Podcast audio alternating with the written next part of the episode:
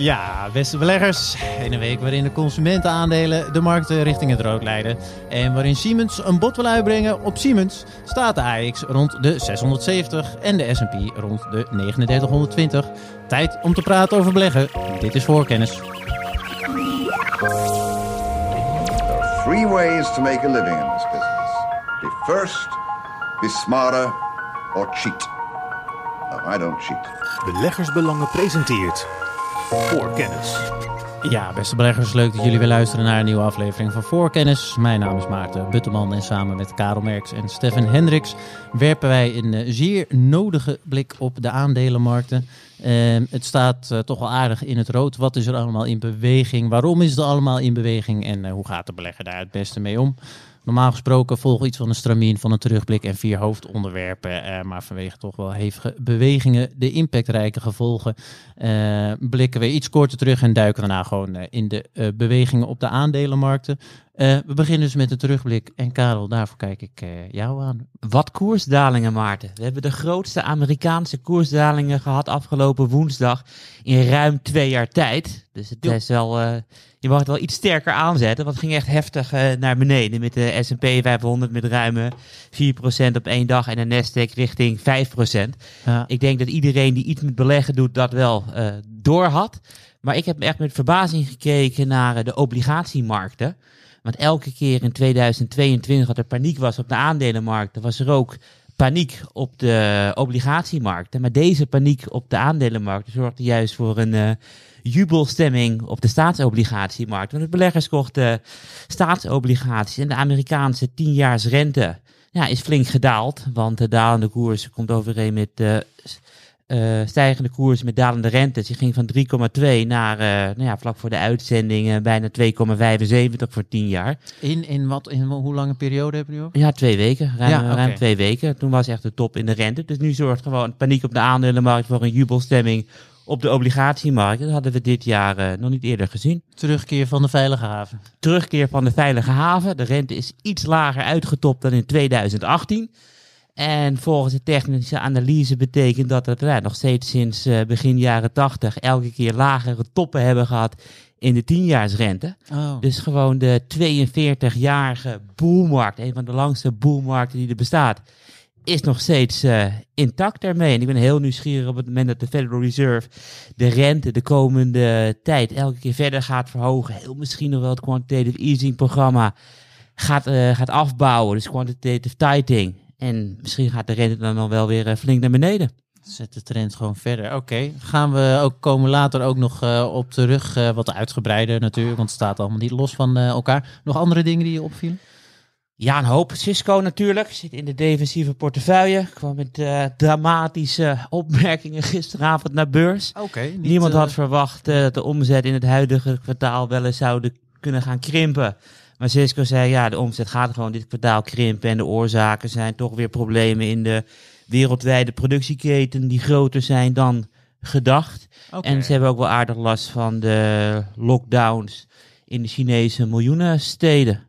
En van de beleggers ook niet leuk. En ik geloof dat er maximaal eh 17% vanaf ging in de nabeurzenhandel. Ik wilde net zo, oké, nabeurs, dus dan zit die, die koersdalingen van 4% van gisteren van de S&P. Nou, die mag, je dan, die mag je optellen. Dus ik Ja, hadden dus gewoon Poh, de- ruim 20% lager. En in de nabeurzenhandel zijn vooral de, de kleine handel. Dus ik bedoel, jij en ik kunnen daar de aandelen kopen en verkopen.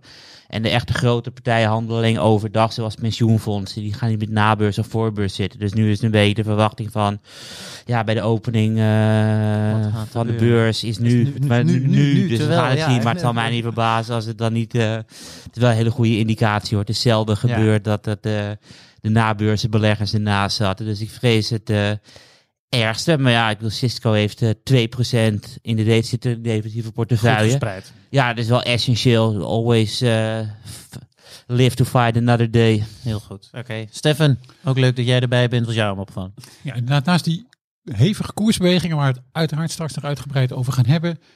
eh, drietal dingen, if I may. Zeker. Eh, de eerste is eh, die jij zelf zo mooi aankondigde. Siemens koopt Siemens. Ja, Dat klinkt ik een vond, beetje... ik vond, het- ja, ik vond, ik vond het echt Heel raar. Ja, het, het, het- vertel, wat is er dan het is ook een beetje raar. Twee weken geleden hebben we het in de podcast gehad over de toeleveranciers van de windenergiesector. Dus de partijen die die windturbines bouwen. Twee hebben we daar wat uitgebreider behandeld. Vestas uit Denemarken en Mhm. de zeg maar, Duitse-Spaanse combinatie Siemens Gamesa. Nou, met die sector liep het niet zo goed. Met Siemens Gamesa liep het ook niet zo goed. Koers onder druk. Eh, de ene naar de andere CEO, als ik een heel klein beetje chargeer, eh, vertrok daar. Volgens mij twee in eh, nog geen twee jaar tijd. Nou, dat is wel vrij slordig voor een bedrijf. Ehm, en ehm, komende week is er een strategiedag van Siemens Energy. En nu wordt het ietsje complexer. Ehm, want waarom neemt Siemens nou Siemens over? Eh, Siemens Energy is groot aandeelhouder in Siemens Gamesa. Dus ze hebben ongeveer twee derde van de aandelen in handen. Ja. En nu is al een beetje naar buiten gekomen dat ze misschien wel van plan zijn om een bod uit te brengen op het gehele Siemens Gamesa concern. Zodat dat niet meer een eigen notering heeft, maar dat het helemaal valt onder Siemens Energy. Eh, en daarmee nou, is, zouden we verlost zijn tussen aanhalingstekens van een ongelooflijke andere performance van de afgelopen tijd. En ik denk dat Siemens gewoon wat meer controle over dit bedrijf, of nog meer controle over dit bedrijf wil hebben. Siemens of Siemens Energy? Want Ja, Siemens Energy. Ja, je zegt het op zich wel goed. Siemens Energy in eerste instantie en daarna in een soort van tweede instantie ook weer Siemens. Want het is een drietrapsraket dit. Eh, want Siemens Energy heeft dus twee derde belang in Siemens Gamesa. Maar Siemens, het grote Siemens dat wij kennen, heeft dan weer een belang van 35% in Siemens Energy. Oké. Ja, Dus, eh, uh, Siemens, allemaal eh, afvragen. Ik ben natuurlijk dan weer grote aandeelhouder van Siemens zelf. en zo gaat het uit. Dat zou, dat zou heel mooi zijn voor je. Want Siemens blijft nog steeds heel erg zeg je hier niet waarde. Oké, wat, eh, wat, eh, so- sorry, was er nog meer? eh, Ja, zeker. dus- Ik had drie dingen. Ik zal ze even Ja. eh, kort behandelen. Ze hebben eigenlijk eh, staan helemaal eh, los van elkaar. Dus het zijn ook even los van alle koersbewegingen op de eh, markt. Dus denk ik ook wel interessant om nog wat andere zaken door te nemen. De andere is bijvoorbeeld de eh, beloning van de top van JP Morgan. Die hadden deze week een aandeelhoudersvergadering. En daarin konden de aandeelhouders zich uitspreken over de beloning van de top van het bedrijf. Als ik me niet vergis ging het om 200 miljoen voor de top 6 en een 50 miljoen eh, speciale uitkering aan topman Jamie Dimon. Eh, en slechts 31% van de aandeelhouders was daarvoor. Ja, Dat is best het is in het algemeen al vrij ongebruikelijk. Hè, dat aandeelhouders heel fors tegen een beloningsvoorstel stemmen. En dan al helemaal in Amerika. En dan al helemaal. ja. Eh, als het nou Philips is, kan je het nog wel plaatsen. Maar ja, bij Philips zou je kunnen zeggen, Morgan, gingen ook een paar dingen niet helemaal Nee, goed, inderdaad. eh, to put it mildly. Eh, maar dat is bij JP Morgan niet het geval, hoewel de koersontwikkeling dit jaar niet echt fantastisch is natuurlijk. Maar operationeel gezien ehm, gaat het misschien nog niet zo heel erg fout, behalve dan dat er erg veel investeringen nodig zijn. Ehm, daar waren beleggers een beetje onaangenaam door verrast. Hm. Eh, maar dat speelt denk ik geen rol bij het, eh, het tegenstemmen. Is denk ik, zoals jij eh, vanochtend al zei, een beetje een sign of the times. hè? Dat, ehm, maar het treurige dan wel weer is, dit was een zogeheten non-binding vote. Met andere woorden, Ah. deze stemming is niet bindend. Jamie Eh, kan het er nog doorheen drukken. eh, Ja. Het is niet- alleen raadgevend. Ja, het is niet, niet dat Jamie het zelf eh, voor zijn persoonlijke financiën vermoed ik nodig Nee, heeft. maar ik die ben, zit er al zo lang ook. die zit er al zo lang en hij, heeft, hij staat natuurlijk bekend als de man die JP Morgan door de grote kredietcrisis heeft eh, heen geleid. Met steun van de Amerikaanse overheid, mag ik daar wel bij zeggen. Ehm, maar ik ben wel heel erg benieuwd wat JP Morgan nu met deze uitslag gaat doen. Maar dit is denk ik ook wel heel gek om dat zomaar naast je neer te leggen. Ja. En ze, ze gaan er naar kijken, is dan eh, wat je dan te horen krijgt. Dus ik ben, ik ben benieuwd. Wordt En- vervolgd. En een laatste punt. Laatste punt, hij heeft ook daar helemaal niks mee te maken, maar dat is wel een, eh, gaat over de eh, Wisdom Tree Carbon ETC, een vriend van de show, mogen Ja, we noemen. Een, een, een product dat we hier al vaker hebben behandeld. Eh, daarvan daalde de koers zo'n 11,5% over de afgelopen dagen. En eh Karel en ik hebben al een fijne discussie gehad over het hoe en waarom van die koersdaling. Eh Karel mag zo direct zijn kant nog gaan toelichten. Wat in ieder geval, denk ik, een rol speelt, is het feit dat ehm, we hebben de, de plannen gehad van de Europese Unie, de Repower EU. En dat zijn de plannen van de Europese Unie om eh, Europa minder afhankelijk te maken van fossiele brandstoffen in het algemeen. En dan Mhm. van Russisch aardgas in het bijzonder. Ja. Nou, die plannen kosten een hoop geld. Ongeveer 210 miljard euro aan extra investeringen nodig. Die moeten er ergens van gefinancierd worden. Een van de mogelijkheden die zijn aangedragen is dat ehm, Europa uit zijn, ehm, eh, uit zijn strategische reserves nog wat emissierechten Oh, Die heb ik ook nodig, strategische reserve. ja, ik hoop dat je er net zoveel hebt eh, als, als Europa in met die emissierechten. Eh, want het gaat ongeveer om, eh, om 200, 250 miljoen ton van die emissierechten weer uit te geven. Zo ongeveer, nou zeg, eh, 7 tot 10 procent, ietsje minder, van de totale reserve. En dat zou dan een bedrag van ongeveer 20 miljard euro moeten opleveren, die ook weer gebruikt kan worden voor onze energietransitie.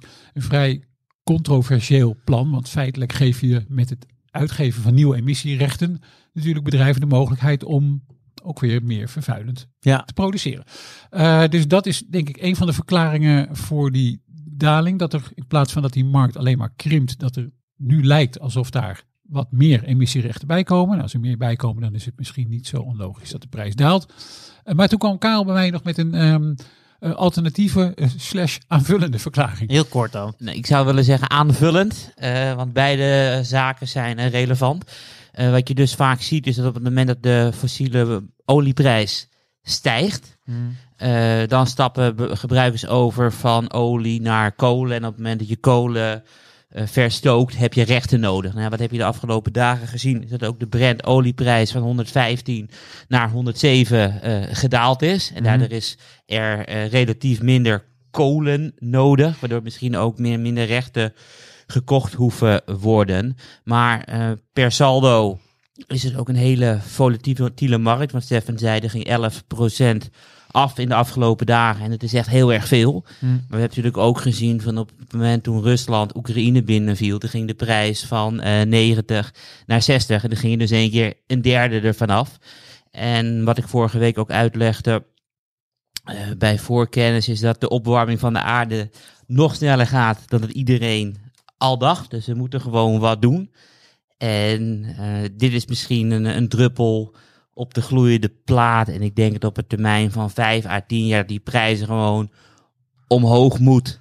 Dus ja, ik hoop gewoon op dipjes, want dan is het weer aantrekkelijk om in te stappen. En ik vind het nu een hele moeilijke keuze. Want toen het 30% afging bij die inval eh, eind februari, toen zeiden Ja. we ja, dit is gewoon, we willen gewoon het koopadvies herhalen.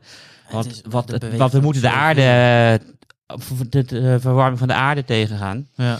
En nu is het Situatie een stuk moeilijker, want het is maar 11% af. We, moeten, moet- we gaan er een keer weer langer op terugkomen. Het is namelijk echt een ontzettend interessante belegging vanwege allerlei perspectieven. Ik zeg, we gaan maken er weer een keer een, eh, een hoofdonderwerp van. Ik bedoel, het is een loterij zonder nieten als er geen politiek risico was. Kijk eens aan. En daarmee gaan we verder naar het blad. Daar ging dat blad. en dat, eh Karel, als je toch laat praten, met heel kort. Jij hebt geschreven over Disney. Ja, nee, Disney is echt een eh, topbedrijf. Want ik heb er eventjes gekeken eh, hoe de cijfers van Disney zijn. De aandelenkoers bereikt eh, een koers van 100 dollar. Nou ja, wanneer was de eerste keer 100 dollar? Dat was in 2015. Dus ik heb even de cijfers van 2015 en 2022 vergeleken. En wat blijkt, omzet veel hoger. Ze investeren veel meer. Onder de streep blijft er veel meer winst over. Hm. En de prijs is hetzelfde. En daar heb ik een artikel over geschreven. Dat Disney gewoon echt koopwaardig is op, eh, op deze koersen. Kijk eens. Ah, wat een heerlijke teaser, Karel. Zeg. Eens kijken of Stefan het beter kan doen dan met. RWE. Nog beter dat. Ja, het klinkt misschien minder spannend. RWE, ehm, Duits nutsbedrijf, eh, heel erg actief in de energietransitie. Dus van, laat maar zeggen, bruinkool meer naar windenergie. Maar ze kunnen nog iets heel erg goed, eh, namelijk handelen in allerlei energie-gerelateerde producten. En dat kunnen ze zo goed dat ze eigenlijk nu iedere keer verrassen qua cijfers. Oké, kijk eens aan. En ook dat eh, valt terug te lezen via de show notes. Ik zet beide artikelen erin. Voorkennis. En Want het is tijd om verder te gaan eh, met het eh, volgende onderwerp. En eh Stefan, ik jat gewoon even keihard de intro van jouw beurs en economie van deze week. Want daar draait het blijkbaar allemaal om, de bewegingen eh, op de aandelenmarkt. En dan eindig ik ook overigens eh, na die introductie met de laatste zin van het artikel. En dan kan jij daarna het hele verhaal ertussen vertellen. Het begint het artikel met eh, dat de risicovolle high-yield eh, bedrijfsobligaties presteren dit jaar opmerkelijk genoeg beter dan de meer solide investment grade variant. Daar komt verandering in en dat zegt iets over de economische vooruitzichten. Dan volgt het artikel en die eindigt dan uiteindelijk, en dat gaat Stefan vertellen waarom. Zo, als deze trend zich voortzet, komen ook de aandelen van bedrijven met een groter kredietrisico onder druk. De eerste tekenen daarvan zijn nu al zichtbaar. En die zijn deze week eh, ja, dus zeer zichtbaar eh, geworden. Stefan, ik geef verder het woord eh, aan jou, want wat is er allemaal gaande op de aandelenmarkt? Ja, dan dankjewel. Maar ik moet al bijna weer eh, goed nadenken wat ik ook alweer had geschreven. Maar volgens mij klopt het wel wat je, wat je, hebt, eh, wat je hebt voorgelezen. Niet geparaficeerd. Eh, nee, volgens mij niet. Nee, dat za- zag er wel goed uit. Nou, misschien moeten we eerst even teruggaan naar gisteravond. waar de Amerikaanse beursindices een paar ongelofelijke klappen kregen. Volgens mij de hardste in de afgelopen twee jaar tijd. En op het eerste gezicht dacht je, ja, eigenlijk zijn dat koersdalingen geweest. Nou, zonder echt heel erg groot nieuws. Er was niet opeens een speech van Powell, een renteverhoging, een onverwachte beweging. Er was niet iets heel erg groots. Dan ga je natuurlijk zoeken naar, ja, die koersdalingen komen ook niet zomaar uit de lucht vallen. Dus wat is daar dan los? Nou, meeste wat je las was eigenlijk mm, eh, dat, er, dat de koers onder druk kwamen naar aanleiding van de bericht van Target. Dat is een Amerikaanse retailer. En die had vrij beroerde cijfers. Althans, het ligt een beetje hoe je naar kijkt. De omzet nam wel toe. eh, maar het vervelende was dat de winst daalde. En de vooruitzichten eh, van eh, Target waren ook niet echt top. Want in plaats van dat ze uitgaan van een operationele winstmarge van 8%, wordt het nu 6%. Nou, dan denk je nog steeds, hoezo? Is dat nou, lokt dat, moet dat nou zoveel uitlokken? Want wat er gisteravond gebeurde, was dat echt van alles en nog wat in de retailsector snoeihard onderuit ging. Dus, dus Target was de eerste. Die kreeg een koersdaling van de procent of 25. De grootste klap sinds volgens mij de grote crash van 87. Ja, correct. En het is echt een groot bedrijf ook nog. eh, Target is een flinke jongen. Ja. Ja. Target is een flinke jongen in de Verenigde Staten. Bekende naam ook in de Verenigde Staten. Ja. Ehm, en in het kielzog van Target vlogen de koersen van nog een heel groot aantal eh, andere Amerikaanse eh, retail- en consumentgerelateerde eh, aandelen echt onderuit. Dus allemaal koersdalingen van zeg het even tussen de 9 en de 15 procent op één dag. Naar aanleiding van dat bericht. Dag daarvoor overigens hadden we al Walmart gehad. Die kreeg ook een ongehoorde Ja. knal. Eigenlijk een beetje om dezelfde reden. Nou, wat is daar nou loos bij die bedrijf? Wat zegt Target daar nou zelf over? Ehm, zij noemen het zelf, ik vond het wel, wel eh, aardig gevonden, maar ze hadden in het afgelopen kwartaal last van onverwacht hoge kosten. En ik zou denken dat, ehm, dat zeggen ze zelf, hè, althans de topman. Eh, ja. die, ik zou denken die kosten zijn volgens mij al een tijdje aan het stijgen. En dan hebben we het natuurlijk met name over brandstofkosten en ook over loonkosten. Nou, dus dat was een soort van directe aanleiding. Maar daaronder speelt nog een aantal andere zaken. Target zei ook dat ze ook een verschuiving zien in de bestedingen van eh, hun klanten. Dus je ziet eigenlijk meer naar de Target huismerken. En je ziet wat minder geld gaan naar wat je dan altijd discretionaire uitgaven noemt. Of je een nieuwe televisie wil kopen of allerlei andere zaken die je niet per se nodig hebt. Nou, dat zag je bij, eh, bij Target terug. Was ook een beetje bij eh, Walmart. En ja, wat, en wat zegt dat nou eigenlijk een beetje over de, eh, over de markt als geheel? Dat, dat niet alleen Target zo hard werd afgestraft, maar alles wat er rondom die retail sector heen zat. En voor mijn gevoel is het eigenlijk een beetje dat we in de markt nu gaan van vooral de angst voor hogere inflatie en hoge rente, naar nu ook een beetje angst voor economische teruggang. Ja. En ik heb het idee dat dat, dat dat geen gekke conclusie is. Want we zien daar al op de obligatiemarkten de afgelopen nou ja, anderhalve week. Kon je dat eigenlijk, twee weken kon je dat eigenlijk al een beetje zien. Karel noemde bij de terugblik al de ontwikkeling van de lange rente. Dus die topte dit jaar op 6 mei, zowel in de VS als in Duitsland. En daarna daalde Lange rente hebben we het over de 30 jaar. Ze hebben de 10 jaar. 10 jaar, ja. 10 Dus, dus de meest genoemde, de meest gebruikte lange rente. Het is niet de langste. Nee, daarom. Ik denk, check heel even. 10 Nee, maar het is een hele goede, eh, hele, hele goede opmerking. Maar we hebben het dan eh, bij lange rente in principe over de 10-jaarsrente. Dus die topte. Mhm. Die is daarna eigenlijk zowel in Duitsland als in de Verenigde Staten wat teruggevallen. Wat een beetje gek zou zijn, want in principe raast de inflatie gewoon nog door. Dus je zou denken, moeten we niet, hè, eh, moet die rente niet verder omhoog? Je leest eigenlijk ook alleen maar, en je hoort alleen maar wat strakke berichten van centrale bankiers. Of het nou Klaas Knot is, of het is Jerome Powell, die een interview had in de Wall Street Journal eh, dinsdag. Echt het gevecht tegen inflatie. Maar dat begint eigenlijk een wat volgende fase in te gaan. En dat zie je dus op de markt voor staatsobligaties. Maar je ziet het misschien nog wel ietsje duidelijker op de markt voor bedrijfsobligaties. En dit was, sorry, een hele lange inleiding naar het beurs- en economie.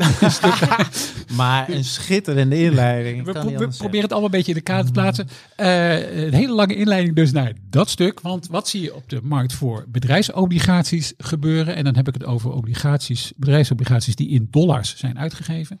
Die markt kun je in twee verdelen. Het ene deel heet investment grade. Nou, dat mag je gewoon vertalen als solide. En je krijgt ongetwijfeld wel je geld terug. Dat is een DSM 3%.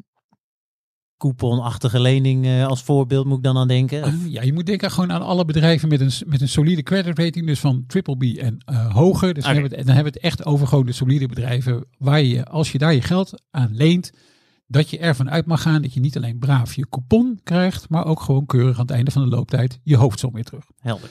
Tweede deel is de high yield markt. En dat is het deel van de veel meer risicovolle bedrijfsobligaties. En daar is het risico op wanbetaling, oftewel soms niet krijgen van de coupon, of het misschien niet helemaal krijgen van de hoofdsom, is veel groter. En Maarten, de ETF op de high yield leningenmarkt heet ook letterlijk Junk. J-N-K. Dus op het moment dat beleggers die ETF kopen, dan kopen ze dus een beleggingsproduct met de naam JNK, Junk, oftewel rommel. Dat is gewoon officiële benaming. Creatieve ticketmakers daar, Creatieve tikken. Eh, maar gek genoeg eh, deed die rommel het dit jaar wel beter dan de meer solide bedrijfsobligaties. Niet dat de rommel het makkelijk had. Dus die junkleningen die eh, staan dit jaar inclusief herbelegde coupon, een procent of 11 in de min. Maar gek genoeg staan die solide leningen, waarvan je denkt, nou, die, die zouden toch beter stand moeten houden in een onrustig klimaat. Die staan 13,5% in de min. En dat is best gek. Ja. Dan is de vraag, Dat, hoe, eh, best gek, dat gebeurt zelden in de geschiedenis. Ja, Eh, dat het gebeurt, vaker dat gebeurt zelden, maar het gebeurt wel onder de omstandigheden die ik eigenlijk net had willen beschrijven. Maar dat ga ik nu. Maarten, wij moeten even ons mond houden, denk ik. Eh, Nee, maar nee, nee, bre- onderbreek me vooral. Vind ik geen enkel probleem. Maar ik ga hem toch even beschrijven. Zeker, graag. Eh, dus waarom is dat nu het geval? Eh, nou, dat heeft eigenlijk alles te maken met die stijging van die lange rente, van die tienjaarsrente in de afgelopen maanden. Laat maar eens even gewoon uitgaan van eh, begin dit jaar. Hm. En waarom steeg die rente? Die rente steeg natuurlijk uit inflatievrees. Ja. En als je dan gaat kijken, waar bestaat een coupon van zo'n solide bedrijfslening nou uit? Nou, die heeft, een deel is tienjaarsrente en daarbovenop krijg je nog wat extra's. Omdat je niet leent aan de Amerikaanse overheid, maar je leent aan een bedrijf. Hm. Nou, voor die solide leningen geldt eigenlijk dat dat rentedeel is relatief groot. En dat, dat, dat extra deeltje wat je krijgt, die risicoopslag, is wat kleiner. Dus die leningen bewegen veel meer mee met de ontwikkelingen in de lange rente. En die leningen hebben ook een gemiddeld wat langere looptijd dan die risicovolle bedrijfsobligaties. Dus dat, die, dat dat solide segment het in dat klimaat niet zo goed doet, is niet zo gek. Nee. Maar wat je wel ziet, is dat vanaf 6 mei, en die datum blijft een beetje hangen, ehm, verandert dat beeld iets. Dus sindsdien presteren die solide leningen wel iets beter. Die blijven keurig liggen. Terwijl die risicovolle high yield leningen die dalen iedere keer ietsje verder. En wat je ook ziet, de risicoopslag, hè, dus dat extra rendement dat je wil hebben als belegger, om die bedrijfsobligaties in plaats van die staatsobligaties in portefeuille te houden. Dat extra rendement, dat stijgt eigenlijk sneller, hè, die risicoopslag. Dus, de, dus die beleggers willen eigenlijk gewoon nog veel meer compensatie hebben voor het risico dat ze lopen. Die stijgt dubbel zo snel bij die high yield leningen als bij die solide leningen. En dat zegt mij wel iets. Dat geeft mij Dat is eigenlijk ook logisch, toch? Neem ik dat aan. is als ook je, logisch wanneer je een klein beetje van zorg verschuift. En dat was Ja. eigenlijk de kern van mijn beurs- en economie artikel. Is dat als je zorg hebt over inflatie, waarbij vooral de rente hard oploopt. eh, Inflatie loopt op, rente loopt op. Maar de economie groeit misschien nog een beetje door. En bedrijven groeien ook gewoon door. Mhm. Ja, dan ben je misschien niet zo tuk op staatsobligaties. En ook misschien ook niet zo tuk op die hele solide bedrijfsobligaties. Maar als jouw zorg een beetje begint te verschuiven naar, hey, dit kon wel eens tot een recessie leiden. Bijvoorbeeld omdat mensen minder gaan besteden of anders gaan besteden. Dat je zien we target voorbeeld van net. Target, Ja. Walmart en al die andere fondsen die er last van hebben. Ja, dan verschuift ook de, eh, ehm, eh, het idee van obligatiebeleggers enigszins. Want die denken dan, ja, nu, wordt, nu begint het toch een beetje te kenteren. Want nu worden die risicovolle bedrijfsobligaties, die veel gevoeliger zijn voor economische groei, waar het risico op wanbetaling gewoon groter is, ja, die zijn dan minder gewild. En dat is precies eigenlijk wat je zag. Dus wat je eigenlijk al een kleine twee weken geleden begon dat in de obligatiemarkt al een beetje Waarom? Ja, Te je, kraken? net 6 mei. Wat, was, is er toen iets gebeurd of was dat gewoon het keerpunt eh, zonder dat daar Nee, 1, de- 2, 3 de- iets... is niet volgens mij een specifieke eh, aanleiding. Ehm, maar het, ja, ergens heb je altijd een top. ja, altijd nee, een maar ik was benieuwd, is er iets Eh, gebeurd, maar niet dus, nee. niet een specifieke aanleiding, maar vanaf dat punt, en daar heb ik ook naar gekeken, zie je dus wel die twee markten veranderen. En dat is denk ik wel iets cruciaals. Want als beleggers zich eh, in eerste instantie zorgen maken over die stijgende inflatie, waardoor de rente stijgt, dan krijg je natuurlijk die, zo, oh ja, die dure technologieaandelen, die moet je allemaal eh, niet meer hebben. Dat is logisch dat die onder druk staan. Maar als je kijkt naar bijvoorbeeld eh, zowel de Europese beurs als de Amerikaanse beurs, dan zijn de slechts presterende aandelen, of sectoren moet ik eigenlijk zeggen, is retail in Europa en consumer discretionary in de VS, in consumer discretionary, zijn eigenlijk alle consumentenuitgaven die je niet per se hoeft te doen. Dus dan hebben we het niet Ah. over voeding en hebben we het niet over allerlei andere zaken die gewoon cruciaal zijn. De, de basics, zullen we maar zeggen. Ja. Eh, met andere woorden, eh, er is wel degelijk iets gaande op de markt. En de, en de obligatiemarkt die hinten daar al de afgelopen dagen op. En als die trend zich inderdaad doorzet, dan, ehm, dan krijg je wel het beeld waarin bedrijven met grotere schuldposities het wel wat lastig gaan krijgen. Niet alleen hun obligaties, maar dan ook hun aandelen. Dat is helemaal niet ongebruikelijk, want die, die risicoopslagen die zijn wel opgelopen, maar die zijn nog helemaal niet in de buurt van de coronacrisis. Laat staan dat ze ook maar een klein beetje in de buurt zijn van de grote kredietcrisis. Nee. Oké. Dat is een, eh, een verschuiving van betekenis. eh. Een verschuiving van betekenis. En ik denk dat eh, zodra, hè, als, je, als je die solide leningen het slechter doen, dan die risicovolle leningen, dan weet je eigenlijk eh, één ding zeker, dan is er nog niet al te grote zorg over hoe de economie zich gaat ontwikkelen. Als dat beeld draait, dan kun je er vergif op innemen dat er wel zorgen zijn over Ja. hoe de economie zich gaat ontwikkelen. Oké. Dat eh, houdt, komt met nogal wat eh, gevolgen ook sowieso. Karel, heel kort. Ik weet, jullie hebben bij voorsproken. Hebben nog iets aan toe te voegen of een eigen perspectief van hoe jij hiernaar gekeken hebt, wat er gisteravond allemaal gebeurd was? Nou ja, niks nieuws. Dus, dus in de zin van eh, de inflatie is nog, nog heel erg hoog. De Federal Reserve is aan het afremmen. Dus ze verhogen eh, de rente. Nou ja, het is nog steeds de verwachting. eh, nou ja, om de zes weken hebben wij een rentebesluit van de Federal Reserve. Dat sowieso de komende drie vergaderingen er sowieso elke keer twee kwartjes, dus 0,5 eh, procentpunt bij de rente komen. Dat is echt, echt enorm. En dan willen ze ook nog beginnen met de beleggingen te verkopen die ze de afgelopen twee jaar gekocht hadden in het quantitative easing programma. Dus de Fed is flink aan het afremmen. Nou ja, op het moment dat de financial conditions minder worden, dan lopen de credit spreads op. Eh, dan stijgt de, de dollar, hebben consumenten het zwaar. Dus ja, het beste wat we voor kunnen hopen is dat de inflatie heel snel naar beneden komt. Eh, twee weken geleden hadden we nog een cijfer. Nou, het is nog steeds 8,3 in de Verenigde Staten. Dus ja, zolang eh, de inflatie naar beneden komt, zal de Federal Reserve blijven afremmen. Want En is, dan- is, is het nu ook, is, gaan we nu dan richting stagflatie, wat het woord dat veel eh, gevallen was? Als eh, de inflatie hoog blijft, maar zoals jij zegt, Stefan, dat. eh, want dat ja, het neemt ook weer een heel nieuw scenario met zich mee, natuurlijk. Ja, je, je hoeft misschien niet ehm, altijd te blijven hangen in dit soort zeg maar, technische definities. Ik denk dat voor jou als belegger het belangrijk is hoe ver wil een centrale bank gaan. Eigenlijk. En ik denk dat beleggers heel lang, eh, en terecht overigens ook, het gevoel hebben gehad dat de centrale bank, zodra het echt onaangenaam wordt, de financiële markten, dat de centrale bank dan, of het nou de Federal Reserve is, het gaat eigenlijk met name over de Federal Reserve, want de ECB is toch meer een, een volger en heeft een wat, wat eigener dynamiek. Maar we hebben het hier voornamelijk over de Federal Reserve. Dat, dat die dan af en toe nogal stopte, of bijna schrok misschien van de effecten van zijn maatregelen op de financiële markten. En toen dacht, oké, dan houden we, dan trappen we nu maar alsnog op de rem. En Ja. daarna werden we met z'n allen weer eh, blij en tevreden en vlogen de koersen weer omhoog. Ehm, dat, dat gegeven lijkt nu wel anders te zijn. Omdat die inflatie, je, je- kunt, we hebben het volgens mij al eens eerder in de podcast gehad over, hebben ze nu een, wel of niet een fout gemaakt bij de Federal Reserve om eh, te zeggen, nou ja, die inflatie die gaat misschien vanzelf wel een beetje over. Dat is nu tijdelijk. Nou blijft die toch verdraaid lang hangen. Dus zo tijdelijk is het al niet meer. Ehm, maar of ze nou wel of niet een fout gemaakt hebben, dat doet er verder niet zoveel toe. Ehm, nu inmiddels. Want die inflatie is nu eenmaal waar die is. En nu voelen centrale banken zich in mijn optiek verplicht om veel meer te doen om die inflatie te stoppen. Misschien zelfs als dat leidt tot eh, onaangename situaties op de financiële markten. En dan is denk ik nog één ding ehm, belangrijk om in het achterhoofd te houden. We hebben het natuurlijk heel vaak over de obligatiemarkt en over de aandelenmarkt. Je moet er ook niet aan denken eh, dat als het fout gaat op de vastgoedmarkt. Want uiteindelijk, net zoals in Nederland denk ik, zit het grootste deel van het vermogen van gezinnen toch gewoon in hun stenen waarin ze wonen. Nou, En wat dat betreft is is dat het in belegd inderdaad de laatste tien jaar. Ja, dat wel een veeg teken. Want je ziet dat eh, de afgelopen twaalf maanden is een eh 30-jaars hypotheek met een vaste rente gestegen van 2,5 naar eh 5,5 procent. Dus ik bedoel, de rente is meer dan verdubbeld voor een 30-jaars eh, hypotheek.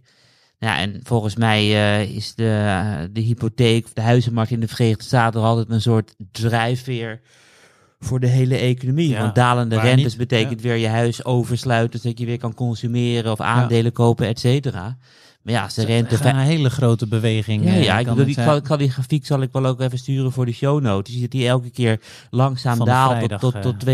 En dan schiet hij in één keer naar 5,5 in, in minder dan een jaar tijd. Ja. En ook daar, Maarten, heb ik eh, een aantal weken geleden een beurs en economie over geschreven. Ook eh, met betrekking bijvoorbeeld tot de, uh, houdt Amerika houden ze alles fantastisch bij, ontzettend veel data.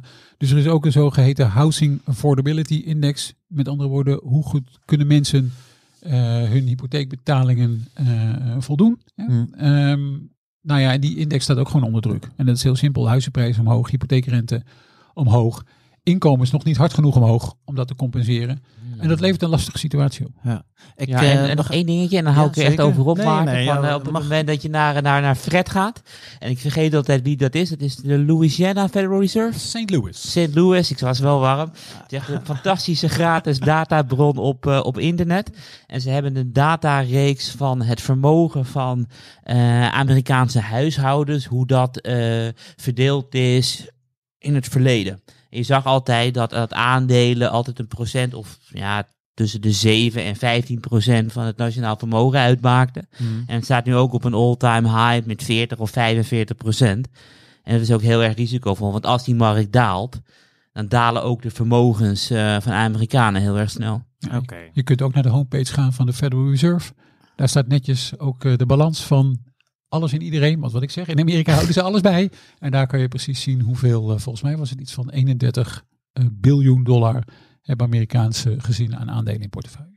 Ga dan meteen even naar de website van Siegel, want dan heb je aandelenkoersen vanaf 1802. ik bedoel, het, eh, Ah, de, beste data moeten- is in de Verenigde veel Staten te opdrachten bekijken. aan de luisteraars. Nee, anders wil- luisteren ze volgende week niet meer. Nee, maar ik bedoel, zoek maar eens in Nederland een aandelenkoers uit van de jaren 70. Het lukt je niet, Maarten. Nee, ja, Maakt niet uit welk aandeel. Een Nederlands aandeel uit de jaren 70. Geen Amerikaanse aan. Nee, Oké. lukt je niet.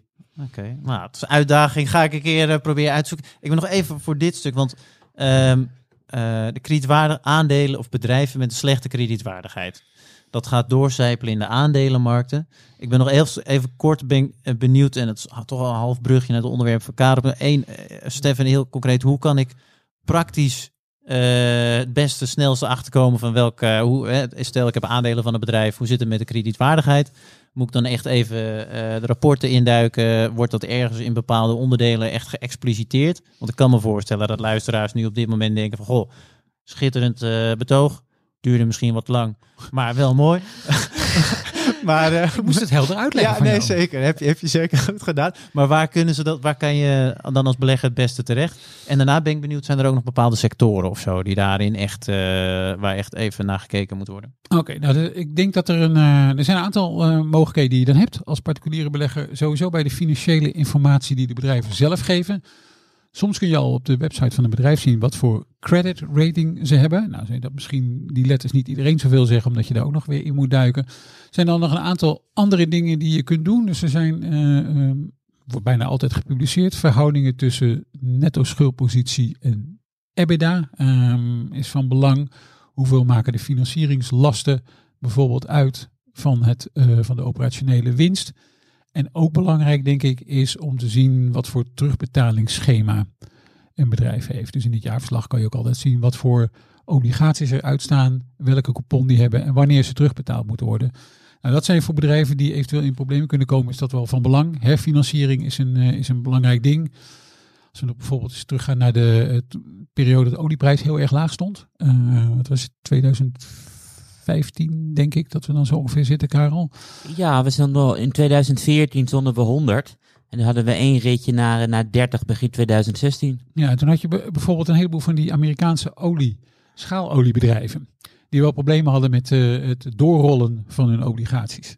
En, en dat levert dan wel, dat levert echt problemen op het moment dat de economie teruggaat en de rente omhoog gaat. En jij gewoon meer moet gaan betalen voor je lening. Maar dat zie je ook bij eh, het vierde kwartaal van 2018, bij de vorige groeivertraging en verkrapping door de Fed.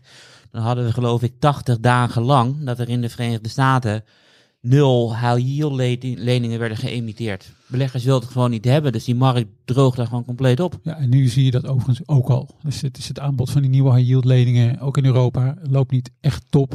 Maar die En- zijn er nog wel, toch een ze- af en toe? Ze komen af en toe nog is wel het naar de volledig markt. opgedroogd nog. Het is niet volledig opgedroogd, maar het is wel, eh, wat je wel ziet, het, uiteindelijk moeten die bedrijven al die leningen doorrollen natuurlijk. Dus als het goed is, zie je ieder jaar wel bepaalde, hè, bepaalde nieuwe bedragen naar de markt komen. Op het moment dat dat niet lukt, ehm, nou ja, dat is al eerste teken dat je als belegger wel heel erg moet gaan opletten. En wat je al kan zien is dat in het, we hebben het net gehad over high yield, dat zijn dus de meer risicovolle eh, bedrijfsobligaties. Die zijn ook allemaal weer opgedeeld in segmenten. En als je dan Mhm. gaat kijken naar leningen met een zogeheten triple C rating, nou dat is echt niet zo best als je een triple C rating hebt. Ja, daar loopt eh, het, eh, de, het effectief rendement heel erg hard op. En dat is altijd een soort kanarie in de kool, en wat misschien ook gewoon makkelijk is, is er gewoon op te kijken van... Want is, ik wat- ben nog heel, is, dat, is dat dan, hebben we dan echt over sec over de obligaties? En die moet je dan kijken, ook als stel ik heb aandelen van eh, een bedrijf als Stark. Doordat hij dus die obligatie heeft, moet ik ook echt even checken voor de waarde van mijn aandelen, hoe het zit met die obligaties, want dat gaat doorcijpelen. Ja, het is Kan, uiteindelijk is het natuurlijk, hè, bedrijf, ik vind bedrijven sowieso met een hoge schuldpositie in de regel niet zo heel erg aantrekkelijk. Maar dat viel de afgelopen tijd viel het wel mee natuurlijk, omdat de kosten om te lenen niet zo heel erg hoog waren. Financieringskosten waren prima. Op het moment dat daar verandering in komt en je moet schulden gaan doorrollen en de economie gaat een beetje tegenzitten, want een ongeluk komt natuurlijk nooit alleen. Nee. eh, dan wordt het wel de tijd om weer te kijken naar, eh, naar de schuldpositie van je, van je bedrijf. Ik doe dat sowieso. Bij ieder aandeel dat ik koop, start ik in principe bij de balans. Ik eindig ergens bij de verlies- en winstrekening. Dat geloof ik verder wel. Maar ik begin altijd bij de balans, de schuldpositie. Dan loop ik naar het cashflow overzicht. Hoeveel geld er daadwerkelijk binnenkomt. En aan het einde van de rit zie ik ook nog wel eh, hoe de verlies- en winstrekening eruit ziet. En ik denk dat eh, lange tijd was, dat, was die volgorde van werken helemaal niet van belang. Want je keek gewoon naar de, naar de winst of niet naar de winst. Maar eh, Ja, Heel veel beleggers dat- kijken nog steeds gewoon, be- beginnen bij de PE-ratio, dus de KW. Ja, precies. En Dus- dan vergeet je dat hele verhaal. Ja, dus ik, ik denk dat dit. De, we- zijn nog vroeg hè, hiermee. Ja. Maar ik denk dat dit eh, de, de komende maanden wel eens veel meer aandacht zou kunnen gaan krijgen. Oké, prima. En eh, balans bood me een mooi bruggetje om naar het onderwerp van Karel te gaan. Voorkennis. Want ja, het moet niet allemaal van Stefan eh, komen natuurlijk.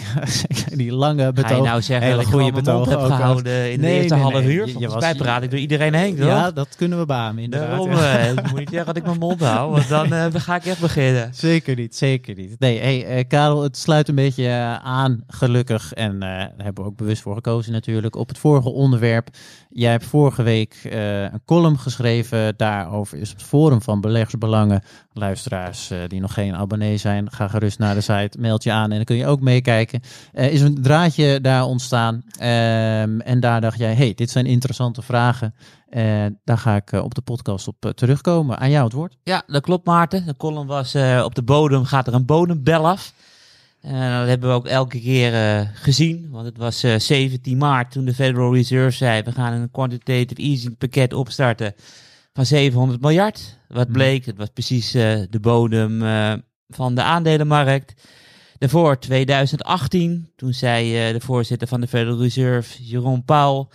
eh, quantitative easing is niet een, eh, iets in een gereedschapkist voor in tijden van crisis, maar we kunnen het ook buiten een crisis gebruiken. De rente hoeft helemaal niet nul te zijn. Was precies de bodem van de aandelenmarkt. We hebben in 2000, december 2015, zei Jellen, tussen de regels door, we gaan één keer eh, de rente verhogen en alle renteverhogingen van 2016 gaan we schrappen. Dat was ook de aandelenmarkt, dus eh, het bodem van de aandelenmarkt. En zo kunnen we helemaal doorgaan eh, tot de 2008, waar, waar de QE bijna de bodem van de aandelenmarkt was. Want het werd in september aangekondigd. Een half jaar later stonden we inderdaad lager, maar een jaar later stonden we alweer heel veel Ja. hoger. Dus ik bedoel, er gaat Ja. een bodembel af. En Toen was de- er ook wel veel loos natuurlijk, eh, nog meer dan gemiddeld eh, in Ja, september 2008. Klopt, klopt. En wat Stefan zei, van beleggers zijn ook eh, verwend geraakt met de Federal Reserve, die elke keer Ja. redelijk snel optreedt. Dus dat was ik aan het vertellen. En in het begin van het, ik heb natuurlijk ook alweer denk ik tien columns geschreven, waarom ik gewoon denk dat een klimaat van de Federal Reserve die aan het verkrappen is, een, een gevaarlijk klimaat is. Dus iemand Mhm. vroeg op het forum letterlijk, is je advies nu om alles eh, te verkopen? Ja, En dan- heerlijk. Zo'n lekkere, concrete ja, vraag. ja, ook heel concreet. En dan eh wachten. Wie was het? Stiphout was het, hè? Als je luistert Ik- bij ik- deze bedankt. Ik, wou hem, ik wou hem anonymiseren. Ik bedoel, Ah, jij bent van de naming en shaming met alles altijd. eh. Nee, hele leuke vraag. Jonge kerel ben je ook, Maarten. hè? Geen, eh, geen schaamte. Nee, er staat het verliezen van 10 tot 23 procent. Dan moet ik alles er nu uitgooien. Ehm, een hele terechte vraag. Ja, Eh, en ik heb een aantal eh, voorbeelden meegenomen. Waarom ik ervoor ben en waarom ik er tegen ben. schiet. Nou ja, de eerste is van, eh, ja, als je kijkt naar een van de succesvolste portefeuilles die beheerd worden bij beleggersbelang, is dat de dividendportefeuille van Menno van Hoven. Ja. hij is altijd eh 100% eh, belegd. Krijgt elk kwartaal krijgt hij dividenden binnen. Mhm. En die dividenden koopt hij gewoon eh, nieuwe aandelen van. Nou ja, en op het moment dat in een kwartaal het keihard onderuit gaat, dan kan die van die dividenden weer extra nieuwe aandelen kopen. En wat dat betreft zou je kunnen zeggen dat op de lange termijn eh, tijdelijke koersdalingen juist zorgen voor een verhogend rendement. Omdat je met veel meer extra aandelen zit. En het gaat natuurlijk om tijd in de markt en niet het timen van de markt. En op het moment dat je de markt gaat timen, loop je ook het risico dat je een keer naast zit. En dan zit je misschien tegen veel hogere koersen weer in de markt. Dus op het moment dat de belegger belegt weinig risico en op lange termijn zo hoog mogelijk rendement, dan moet je er vol in blijven zitten. Ja. Dat is één ding. Eh, een ander makkelijk punt wat ik, eh, wat ik wil maken, is het punt van, eh, van Netflix. Ik bedoel, daar ben ik enthousiast over. En het is eh 75% naar beneden gegaan. En de vraag is van, In wat voor, wat voor tijdsperiode? van, vanaf het begin van je Eh, koopadvies date, of year to date? to date, Ja, oké, year to want date, je heel je erg hebt het al langer daarvoor op kopen Ja, staan. Ja, ik bedoel, kijk, en, en ik bedoel, laten Nee, we, laten, we- laten, laten wel eerlijk zijn. Ik bedoel, ik heb het geadviseerd op 200, op 300, op 400, op 500, Zeker, op ja. 600, op 700 heb ik ook nog gezegd kopen. En ik bedoel, nu staan we gewoon onder de 200. Dus al die koopadviezen waren... ja, bizar. eh, ja, alleen de vraag is van, eh, gaat Netflix kapot of is er nog wat? Ja. Ik bedoel, ze krimpen officieel, maar ze krimpen nu alleen omdat ze alle Russische eh, accounts eh, hebben opgezegd eenzijdig. Ze zeggen dat het dit jaar ook nog wel kan, eh, dit kwartaal ook nog wel kan krimpen. Mhm. Maar ik denk dan ja, nog steeds ruim 220 miljoen abonnees, maal een tientje, maand in, maand uit. Ja, volgens mij komt er ook elke, miljard, elke maand 2 miljard cash binnen. Mhm. Dus ja, ik denk dat er nog wat is en dat er niet 75% van de onderneming weg is. Maar is dit dan, hè, want in relatie tot de vraag van moet Mm. nu alles verkopen, is dan Netflix nee, sowieso niet. van- Sowieso niet. Dus Ah, ik oké. bedoel dat gedeelte van mooie aandelen die op lange termijn gewoon eh, werken, zo, zo die Menno uitkiest, die moet je gewoon aanhouden. Weet je, dat is gewoon makkelijk. Weet je, en zo'n Netflix is natuurlijk ook makkelijk, want ik bedoel, ik, ik geloof daarin. Mhm. En eh, het is die 10 of 20 procent lager, maar eh, bijna 80 procent. Ja, En Stefan bizar. maakt een, een gebaar met zijn hoofd van...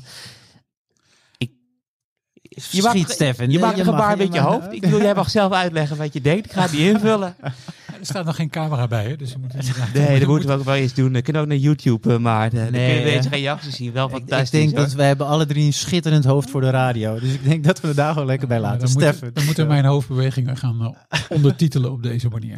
Nee, de, ehm, kijk, je kunt natuurlijk over Netflix zeggen, het is nu te goedkoop. Dat moet je niet verkopen op, wat is het, 180 dollar. ehm, Nou, 160, maar... of 160 dollar. Ehm, duidelijk ben ik geen Netflix aandeelhouder. Ehm maar ik denk dat, eh, dat het ook wel belangrijk is om, om een redelijk perspectief te hebben als aandeelhouder. En dan is natuurlijk de vraag van, wat is dan wel weer redelijk? Ehm, ehm, 700, is dat redelijk en haalbaar en binnen welke termijn? Of is het 300? Dus er zijn er wel natuurlijk wel aandelen die tegen een waardering noteerden, waarvan je misschien als belegger, ik zeg het allemaal heel voorzichtig nu, eens moet gaan nadenken of dat ooit weer terugkomt. En wat dat vervolgens betekent voor het opwaarts potentieel van die aandelen die je nog in portefeuille hebt. En ik denk dat we allemaal wel een lange rij kunnen noemen met dit soort aandelen. Ehm, in Amsterdam is denk ik Just Eat Takeaway wel hier een heel goed voorbeeld van. Want zat hij ook niet ongeveer tegen de 100 aan, ooit op de top. Eh, en nu volgens mij rond de 20. Dus daar zijn we ook 80% verder. Wat is, wat is realistisch nog voor dit soort? Dat moet je denk ik wel als, ehm, hè, als je, je portefeuille nog eens een keertje gaat herbekijken. En denken van wat moet ik eigenlijk nu? Nou, dit soort koersdalingen is misschien ook wel eens goed. En, eh, dat is dan ook wel een soort halve vraag aan Karel. Vandaar mijn overweging van wat is dan wel eh, hè, als, als Nou, ik vind, het was ook een lastig. Want je had natuurlijk ook, als je stel je had, je gaat even anderhalf jaar terug de tijd in. En je gaat een half jaar na corona kijken, toen de aandelenkoersen alweer geruime tijd aan het oplopen waren.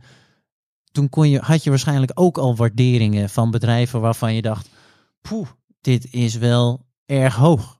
En dat is toch nog eh, daarna hele lange tijd doorgegaan. Dus ik vind inderdaad, ik vind het ook eh, eh, lastig. Ik weet niet of het zo, het was natuurlijk niet zo hoog anderhalf jaar geleden als dat het een half jaar geleden was, eh, bij wijze van spreken.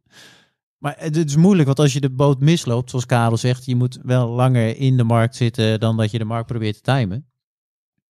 Dat zijn lastige vraagstukken. Ja, daarom laat ik hem nu ook even aan Karel. Ik, denk, ik denk, ik werp het gewoon alleen even op. Ja, Ja, nee, dat is heel erg goed. Ik bedoel, beleg ook in de producten die je zelf leuk vindt.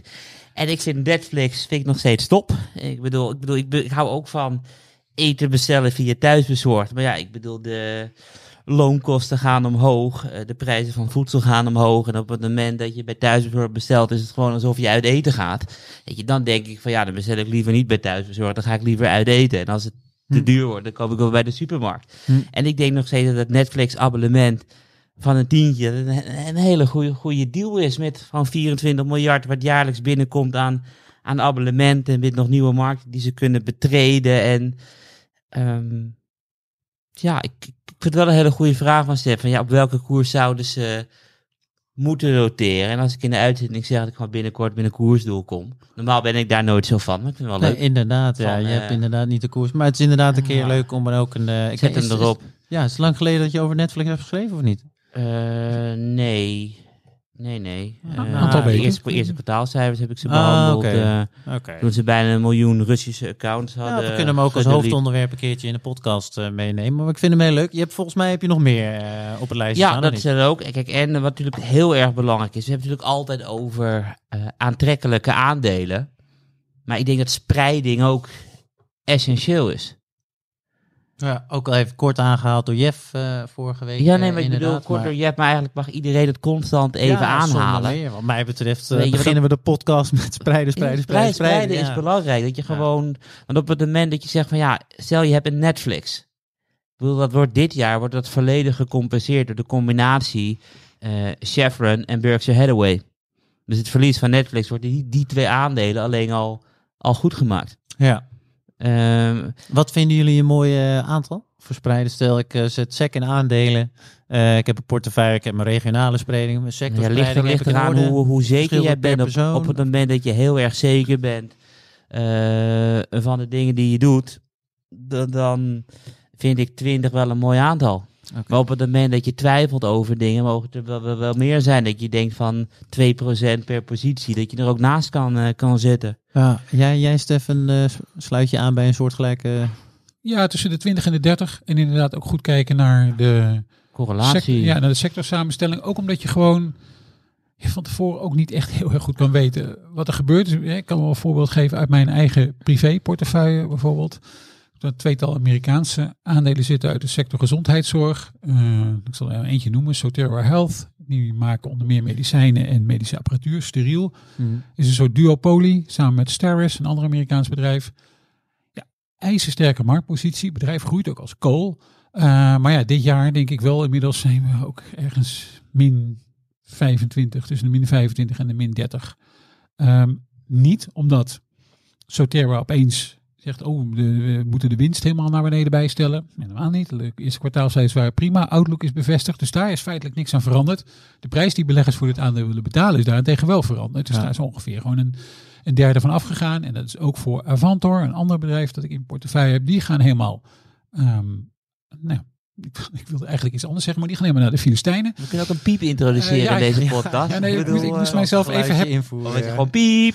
even herpakken om het eh, juiste woord te vinden. Keurig. Ehm, maar daar tegenover eh, en heb ik ook andere bedrijven staan, zoals een, eh, een Sanofi of bijvoorbeeld RWE of Rijnmetaal, waar we het al eerder over hebben gehad. Bedrijven die allemaal veel lager gewaardeerd waren, waarin de waardering eigenlijk niet zo heel veel eh, veranderde.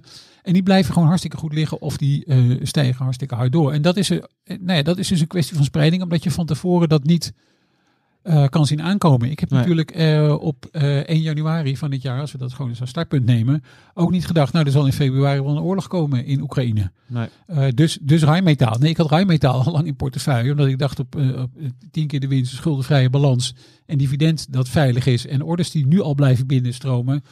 Nou ja, dan kan er wel heel veel goed gaan. En op, die waardering eh, zal er ook wel niet zo heel veel meer fout gaan. Nee. De, helemaal aan de andere kant stonden dus die andere bedrijven die ik noem. Die Soterra Health en die eh, Avanto, die eigenlijk meer mee hebben gelift op het klimaat van aandelen die groeien, die, die, die aantrekkelijk zijn voor beleggers, precies om, eh, om die redenen. En die worden dan afgestraft. Dat kun je helaas niet altijd van tevoren zien. Maar op het moment dat je ze al mijn portefeuille hebt, iedere keer als ik nou naar mijn totale portefeuille kijk, ik ben dit jaar nog niet in paniek geweest. Ik vind het ook wel af en toe onaangenaam als ik bepaalde verliezen langs zie komen. Eh, Ik raak pas in paniek als ik Stefan in paniek eh, zie raken. Want dat heb ik nog nooit gezien in de afgelopen 15 jaar. dus ik bedoel, eh zolang hij niet panikt, eh panic ik En ook er is wat gebeurd in de Nee, afgelopen we hebben natuurlijk wel wat, 15 wat jaar. beslissingen genomen. Want ik bedoel, ik heb bijvoorbeeld naar aanleiding van de Russische agressiviteit. En nu China richting Taiwan gewoon wel afscheid genomen van alle Chinese aandelen. En die Maar, daar. eh, radicale wijzigingen. Ja, ik denk ik toen, eh, gewoon weg, weet je, ook weg van Prozus. Dus ik denk, we, we hebben wat dingen gedaan en ook weg uit Turkije. Ik denk, dit klimaat is het gewoon te risicovol. Mhm. Maar eigenlijk is het de belangrijkste vraag van... waarom heeft die meneer op het forum die beleggingen gekocht? Weet je, is het een trader? Is het voor zes maanden? Wil hij over twee jaar een huis kopen? Of is het over zijn pensioen voor, eh, voor twintig jaar? Ja. Daar En de- begint het allemaal bij. Welke ja, doelstellingen heb je iedereen de heeft andere doelstellingen en andere ideeën. Maar in ieder geval, eh, als de bodembel afgaat, ja, zorg dan dat je wat hebt. Weet je. En het, je kan ook, als je meer risico wil nemen, wat ook allemaal omhoog ging bij de bodembel, Mhm. was crypto. Want ik bedoel, crypto is nu zo hoog gecorreleerd met de aandelenmarkt. Dus die kan je dan ook eh, aanschaffen als de bel afgaat. Oké, prima. Dat was overigens bijna de naam van deze podcast geworden, de bodembel, in plaats van eh, voorkennis. Maar ik ben toch wel blij dat we met deze zijn gaan. De laatste vraag, tenminste, eh, laatste vraag. Had je nog meer op je lijst staan voor eh, deze man en zijn prangende vragen? Of Ik zijn wacht er op kritische vragen van jouw kant. kritische vragen van mijn kant? Ja, nou ja, zoals jij weet kon ik me niet echt voorbereiden door gemis van een, een forumdraadje. Dus die heb ik niet klaarstaan. Maar we kunnen wel, wat mij betreft, nog even kijken of we nog kort eh, vooruit kunnen blikken. Voorkennis. Ik weet eigenlijk niet of jullie 1, 2, 3 op de agenda hebben staan. Want het cijferseizoen eh, begint eh, toch wel tot zijn einde te lopen. Steffen, eh, waar kijk jij allemaal naar volgende week? Nou ja, precies. Het cijferseizoen loopt op zijn einde. Dus dat eh, is volgens mij nog wel, eh, als ik mij niet vergis, volgende week zowel Dollar General als Dollar Tree. Dat zijn nog twee Ja, retailers in de Verenigde Staten. Dinsdag en dinsdag inderdaad. Ja, en Die die kunnen hebben misschien wel goed presteren, toch? Omdat het gewoon de goedkopere dollar-items zijn. Dus op het moment dat Walmart en Target te duur worden, dan ga je eh, dollars uitgeven. Nee, zeker. Dat is een goed punt. Maar ik ben van bijvoorbeeld... Menno ook volgens mij. Nee, maar op het moment dat het net zo hard wordt af... Oh, zullen we gewoon ons mond houden? Ja, Ja. laten we Steffen. Eh, ja, nee, dan misschien was ik al gewoon veel te veel aan het woord. Dat jullie denken, nou, ja, we praten er gewoon doorheen. Dan zet Ehm, Maarten de microfoon wel uit, toch? Nee, los van de cijfers ehm, ben ik ook gewoon heel erg benieuwd naar de toelichting Ja. eh, op de cijfers. Dus eh, zoals jullie weten, volgens mij doet Karel dat ook. Iedere keer als ik over welk bedrijf ik dan ook schrijf, ik lees altijd de uitgeschreven versie van de analisten call. Alles wat erin gezegd wordt, alle vragen die er worden gesteld, krijg je daar naar mee. En daar ben ik ook heel erg benieuwd naar voor dit soort bedrijven. Want Karel zegt terecht misschien Ja, ik wou net zeggen, het is wel een goede opmerking. Nee, nee, inderdaad. zeker. En dan ben, ben ik het ook, eh, daarom praat ik er ook niet doorheen. Dus ik vond het verder een prima, een, prima opmerking van, eh, van Karel. Ja, dat is een ander type retailbedrijf. En misschien profiteren die wel bijvoorbeeld van een verschuiving. Zegt hè, ook van- weer wat. Ja. Maar dan nog voor, ook voor die bedrijven, eh, die hebben denk ik ook te maken met eh, hogere transportkosten. En die hebben misschien ook te maken met hogere loonkosten. En daar zullen ze vermoedelijk ook wat over gaan zeggen. Ehm, dus het wordt, het wordt wel spannend om of te kijken of die bijvoorbeeld wel vasthouden aan eh, winstmarges die in het vooruitzicht zijn gesteld. Of dat die ehm, ja, ook zelfs dit soort bedrijven nog wat anders moet gaan doen. Oké. Karel, jij nog iets waar je naar kijkt? Ik kijk eh, naar de lange rente. Want ik heb natuurlijk nog steeds met mijn redactietips al jaren eh, langlopende Amerikaanse staatsobligaties staan. En de Oh, reden is dat ja. die ook nog steeds eh, in een boelmarkt, zit-. Ja. een boelmarkt zitten. Want elke keer is die top lager. En nu is die top toch weer lager. En ik zat wel te zweten bij 3,2, want de vorige top was 3,25.